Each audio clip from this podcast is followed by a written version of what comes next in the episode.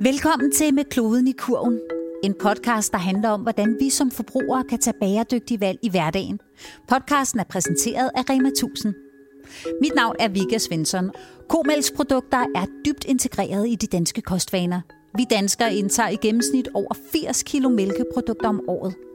Men der er spørgsmål om, hvordan vi skal forholde os til animalske produkter, både ernæringsmæssigt og i forhold til miljø- og klimaaftryk.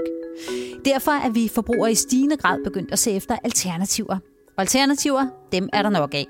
Salget af plantedrikke er vokset med 50 procent siden 2018. Risdrikke, mandeldrikke, sojadrikke, havredrikke. Der er masser at vælge imellem. Den ene er mere calcium, den anden er bedre for klimaet, og så er der den tredje, som måske faktisk er den bedste i kaffen. Så jeg har inviteret et par eksperter i studiet, for at vi alle sammen kan blive lidt klogere på de forskellige plantedrikke.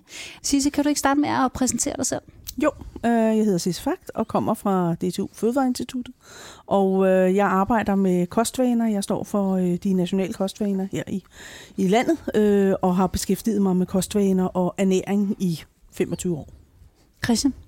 Ja, jeg hedder Christian Bukke Henriksen. Jeg er lektor på Institut for Plante- og Miljøvidenskab ved Københavns Universitet, hvor jeg leder den øh, forskergruppe, der hedder Klima- og Fødevaresikkerhed.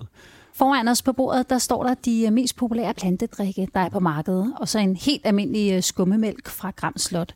Sise, nu vil jeg godt øh, skænke et glas af det her til dig. Ja.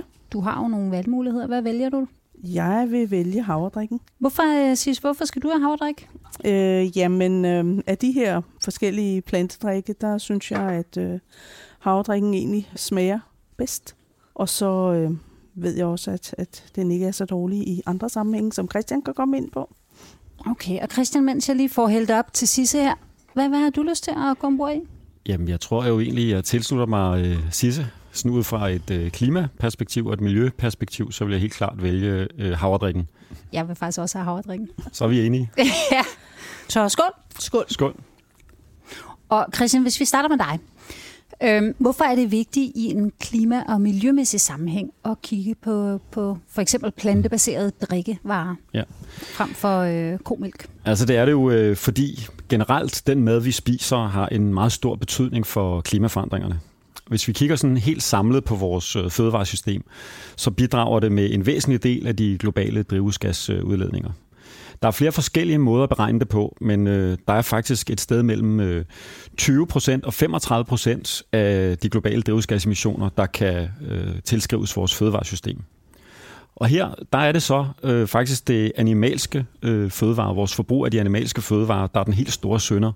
For de står øh, alene for over halvdelen af emissionerne. Og det øh, består for eksempel af metan, øh, som udledes, øh, når dyrene øh, bøvser og prutter. Og det består af lattergas, øh, som udledes øh, fra jorden i forbindelse med dyrkning af foder til dyrene. Og så består det af koldioxid, som for eksempel udledes, når vi rydder noget skov øh, for at dyrke foder og holde husdyr. Og også øh, til vores landbrugsmaskiner og til fremstilling af kunstgødning.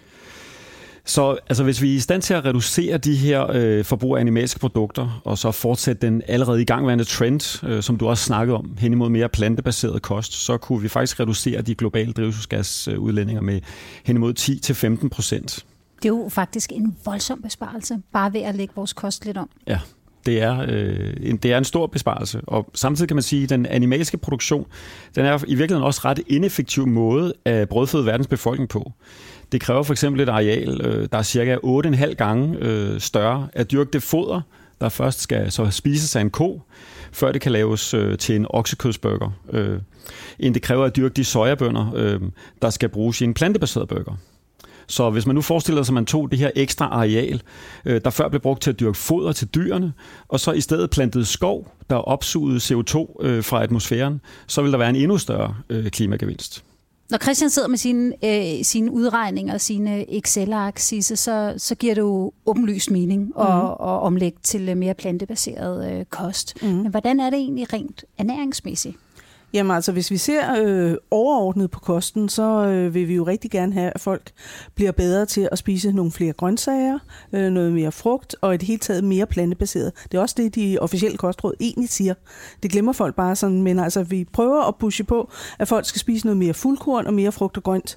Og øh, vi spiser rigeligt med kød, så hvis vi skal skære ned på noget andet, jamen så er det jo blandt andet kødet, vi skal skære ned på. Men i det hele taget, øh, når vi også har beregnet på øh, klimabelastningen af fødevarene i forhold til, til den danske kost, jamen så kan vi se, at det er de animalske produkter, der holder for. Så hvis vi skal prøve at samle både det ernæringsmæssige og det bæredygtige eller det klimamæssige et, jamen så øh, vil det give rigtig god mening at prøve at skære ned på det animalske bredt, og der er mælken så og mejeriprodukterne også en del af det.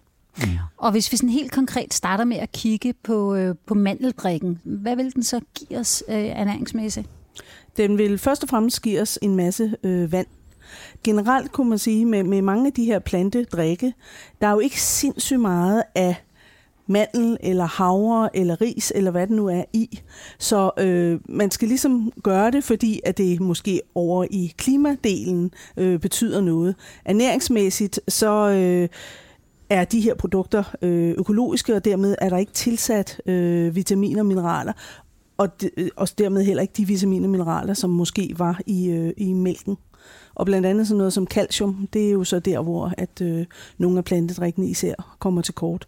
Så hvis man drikker plantedrikkene i stedet for mælk, jamen så skal man lige tænke på, hvor skal jeg så have mit øh, kalk fra.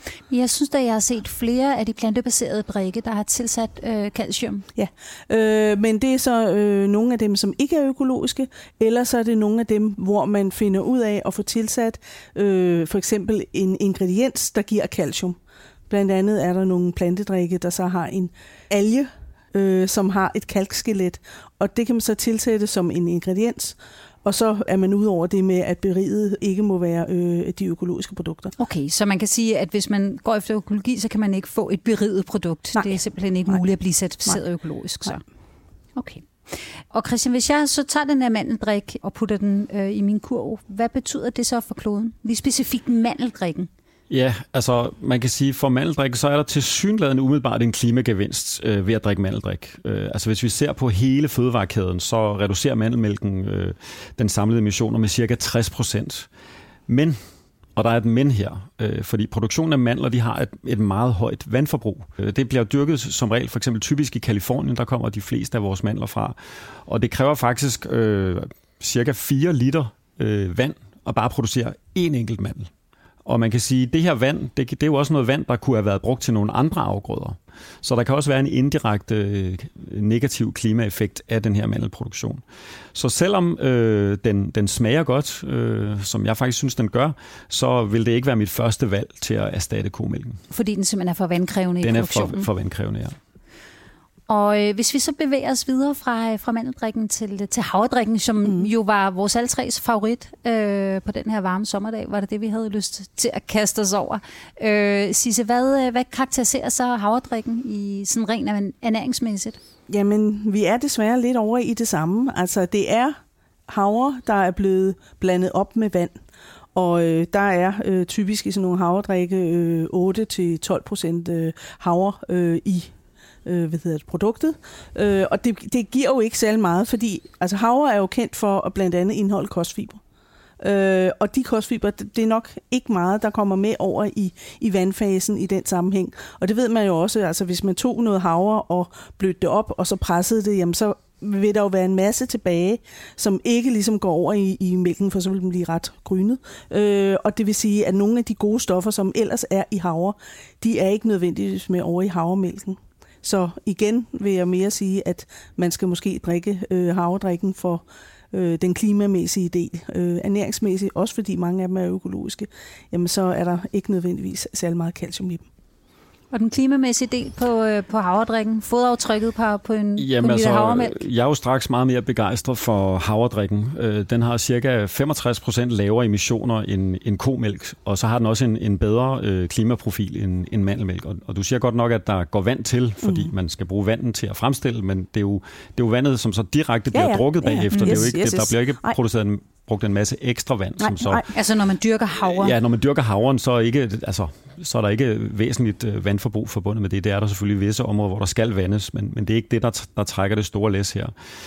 Øh, og hvis man så samtidig tager øh, højde for, at det også er noget, der kan produceres lokalt her i, i Danmark og i Norden, øh, og at øh, sådan et areal til dyrkning af havre, det kun kræver en femtedel af det areal, øh, som der skal bruges til koens foder øh, for at producere en liter mælk så er vi faktisk nede på, at en liter havredrik kun belaster med øh, klimaet med 11 procent i, i forhold til komælk, hvis man anvender europæiske gennemsnit.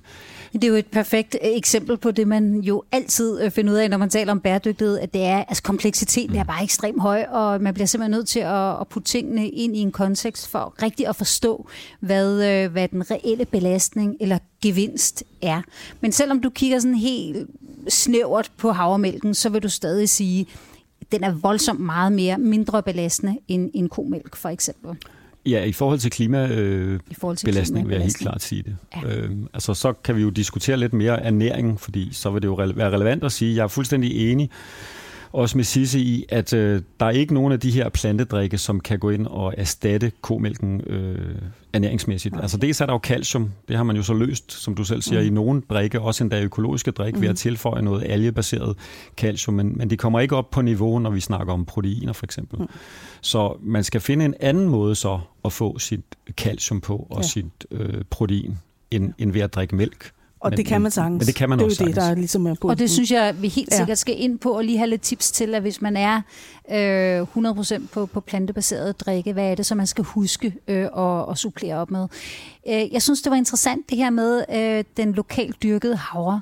Men nu skal vi til noget, der så ikke er, er lokal produktion, fordi man kan simpelthen stadig i hvert fald ikke dyrke ris øh, her i, i Danmark eller i Norden eller i Europa for den sags skyld. Så vi skal helt ud til, øh, til Asien for eksempel, øh, til, til den næste plantebaserede drik, øh, risdrikken. Sisse, Ja, det er bare Ja. vand. det er bare vand. jeg beklager, men øh, der er altså ikke... Nu kan vi lige prøve at se, hvor meget der er. ikke. Altså, der er 14 procent økologisk ris i det her, og så er der lidt solsikkeolie og lidt havsalt. Og ellers, jamen, øh, der, der går ikke særlig meget øh, af, af risen over i, i det her. Og så kan man også sige, at, at øh, altså i modsætning til, til øh, havren, som, som er, er noget, hvor der er noget kostfiber i, øh, så vil risen typisk være sådan noget poleret halløj, hvor der i hvert fald ikke var særlig meget kostfiber i, men, Mm. men det er også nok tvivlsomt, hvor meget af det, der overhovedet går med over i, i vandfasen, og dermed bliver til drikken. Så øhm, man skal drikke det, fordi man kan lide det, og så ud fra øh, noget klima. Og det er sjovt, du nævner jo lige øh, solsikkeolie som Ja. en af ingredienserne. Det har jeg lagt mærke til, at det, det, det gælder jo faktisk for, mm. Mhm. for mange af plantedrikkene, at der er solsikkeolie. Ja. Og jeg har undret mig over det. Hvorfor er der det? Jamen altså, der er jo også øh, egentlig lidt fedt i en mælke, øh, ko- komælk-variant. Øh, så selvfølgelig, hvis man tager helt skummemælk, så er der meget lidt i det, men der er også meget lidt øh, solsikkeolie i de her produkter. Men det giver jo lige en afrunding af smagen. Så det er simpelthen øh, bare ja, en, så øh, en det, det, øh, taktilitet på en eller anden måde. Ja, altså jeg tror, det man blive virkelig fesen for at sige det Ja. lige ud, hvis, hvis det bare var en, øh, en drik, hvor der heller ikke var tilsat en lille smule salt til lige Mm. at, at højne smagen. Christian, rismælk, hvad, hvad siger du til, eller nu siger jeg mælk, det øh, risdrik, lad os sige det. Man skal, jo Hvad kalde, man skal jo faktisk kalde det drik. Det er jo Ja. ja. faktisk lidt forkert, når vi her sidder og kommer til at kalde det mælk. Det, det må vi ikke i forhold til EU jo, men altså, øh, jeg tvivler Der på, er at de en, med. en, der er simpelthen en, en lovgivning, Ja, som, som ja. siger, at mælk, altså, det, det må er ikke kun, markedsføres som mælk. Det er kun mælk, det der er må kun kaldes mælk. animalsk. Ja. Men altså, risdrikken, hvis man ser sådan klimamæssigt på den, så har den også lavere emissioner end komælk. Men det, det er højere emissioner end havremælk. Øh, en, en risdrik udleder ca. 50 procent øh, af den klimagas, som øh, i forhold til øh, øh, mælk. Og grunden til det lidt højere niveau her af, af drivhusgasemissioner, det skyldes primært, at dyrkning af ris øh, på overrislede marker, det udleder også metan, ligesom når dyrene øh, øvser og prutter. Så har vi øh, en tilbage, og det, det var i, i mine øjne, som jeg husker det, faktisk den plantedrik, der ligesom kickstartede mm. Hele plantedrik-trenden, nemlig øh, sojamælken. Ja. Sisse, sojamælken virker jo meget insisterende i at være sojamælk, når man sådan drikker den, i forhold til de andre Ja, produkter, smags- synes jeg, smagsmæssigt. Ja, ja, ja. og det at få den ind i munden. Ja. Er, er, der, er, hvordan er den? Er den også mere insisterende ernæringsmæssigt?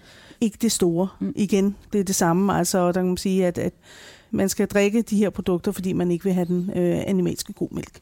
Øh, men ernæringsmæssigt, der, der er ikke, ikke så frygtelig meget at komme efter. Altså, de skulle være tilsat nogle af de stoffer, de så øh, ligesom øh, erstatter i, i, i mælken. Ikke? Øhm. Der er jo den ting øh, med, med sojamælken, at der er nogle stoffer i soja, øh, som kan minde en lille smule om øh, det kvindelige kønshormon, ja. østrogen. Ja. Øh, er det problematisk? Altså, kraftens bekæmpelse siger, at hvis man kun får soja som sit planteprotein, og det vil sige, at man spiser tofu, og man drikker plante, eller med, ja, øh, sojadrik, og i det hele taget kører ren på soja, så skulle man måske lige variere det lidt. Øh, og så er der også en anbefaling til, til kvinder, øh, der har øh, haft brystkræft.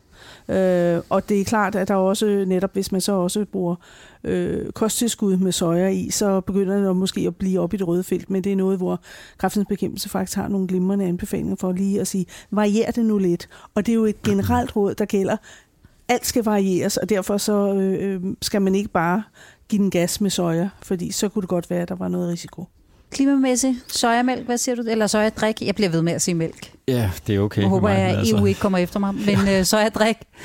Altså umiddelbart så har sojadrik faktisk også en øh, meget god klimaprofil øhm, med emissioner, som er ned til en, faktisk en tredjedel af emissionerne for komælk. Men, og der er igen et men her, øh, størstedelen faktisk af den soja, der importeres til Europa og til Danmark, øh, kommer fra Sydamerika. Og for langt det meste af den soja, så kan det ikke garanteres, at den er afskovningsfri. Øhm, og hvis man tager højde for det, så er klimabelastningen for sojadrik cirka dobbelt så stor som for, for havremælk. Men her kan man jo så, øh, som vi har her, for eksempel øh, med fordel vælge den økologiske sojadrik, som jo så er baseret på certificeret afskovningsfri soja. Det her begreb afskovningsfrit, hvad betyder det egentlig? Jamen, det, det betyder sådan set, at, at øh, der er jo meget af den soja, der dyrkes især i øh, Sydamerika. Den bliver dyrket på arealer, hvor du først har ryddet skoven. Og skov, øh, det er jo det, som vi øh, alle sammen godt kan lide i forhold til klima, fordi øh, skov op, opsuger CO2 fra atmosfæren, så det er med til at reducere vores drivhusgasemissioner. Men hvis du så øh, skal dyrke soja, og du så rydder skov, så er det klart, så får du al den her CO2 fra den skov, den bliver så udledt til atmosfæren. Så derfor er det meget vigtigt, at man øh, sørger for, øh, at den soja, man importerer her til Danmark og til Europa, den er fri for det her afskovning.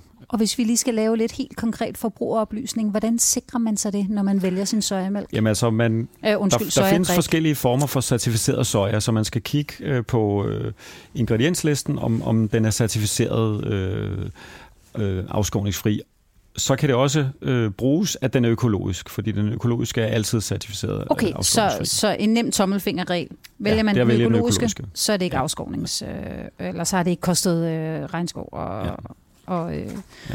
og plante det. Okay. Og hvis vi så her afslutningsvis lige skal ranke øh, de øh, fire forskellige typer øh, øh, øh, plantedrikke øh, ud fra det klimamæssige perspektiv, så vil det sige, at i bunden finder vi mandeldrikken. Det er den, det er den mm. mindst klimavenlige ja. af de fire øh, typer. Ja. Og så kommer sojamælken. Eller rismælken? Så vil jeg nok sige rismælken, øh, fordi hvis man, hvis, man vælger den, hvis man vælger den økologiske sojamælk, kan man sige, så er man fri for det her afskovning. Øh, så vil jeg nok tage rismælken som den næst dårligste, og så øh, øh, sojamælken og så øh, havmælken som absolut øh, nummer et i mine øjne i hvert fald. Så du vil klart anbefale det, som du også selv valgte til at starte med, havredrikken? Ja. Og hvad med dig, Sisse? Altså, ernæringsmæssigt vil jeg ikke sige, hip at det, det, det er hip som hap. Øh, og man kan sige, heldigvis er der jo faktisk en trend nu, hvor man kan se, at øh, nogle af de her produkter, de bliver erstattet stille og roligt af mere havre, og dermed lokalt produceret formentlig også, altså i hvert fald mere tæt på, på, på hvor vi nu bor. Øh, så øh, havren er nok kommet for at, at blive. Øh, Christian, det er jo virkelig en trend, øh, må man sige, øh, det her med plantedrikkene. Hvordan vil du vurdere den her trend? Giver det mening? Altså, jeg synes jo, det giver god mening. Altså, især øhm, fordi, hvis man kigger på øhm, det samlede forbrug øh, af, af mælk i Danmark, så er det jo faktisk meget, meget højt, hvis vi sammenligner det med andre lande. Altså komælk? Komælk, ja. Hvis man ser på de totale emissioner fra forbruget af fødevarer i Danmark, så udgør øh, oksekødet, jo, som er den største sønder, et sted mellem 24 og 34 procent øh, mens mejeriprodukter de kommer ind på en klar andenplads øh, som nummer to med et sted mellem 17 og 21 procent. Og svinekød og kyllingekød, det ligger en hel del lavere.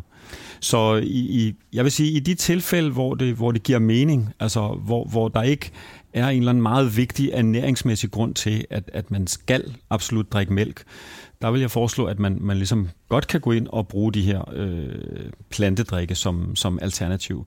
Man kunne måske argumentere for, øh, at, at det giver god mening øh, for børn, for eksempel, at det er en let måde at få både protein og calcium på at drikke mælk. Altså børn elsker mælk. Så, så men for den voksne del af befolkningen, der, der giver det, synes jeg, det giver rigtig god mening at øh, anvende de her øh, øh, alternativer. Altså man kan se, vi har lavet nogle drivhusgasberegninger faktisk øh, rundt omkring på nogle københavnske caféer, og øh, helt klart den største øh, drivhusgasudleder fra københavnske caféer, det er, øh, det er mælken. Ej, hvor er det vildt. Så det, det batter faktisk virkelig. Det, det batter meget. Ja. Altså. Sisse, du har flere gange nævnt, at i virkeligheden hovedbestanddelen i alle plantedrikkene jo bare er vand. Eller bare, bare, bare. Vand er jo også en, en vigtig ting at få indbords, men der er måske ikke så meget ernæringsmæssigt at komme efter. Og der er også vand i mælk, selvfølgelig. Øh, hvad, øh, har du nogle øh, tips til, hvad man kan supplere sin kost med, hvis man går all in på plantedrikkene?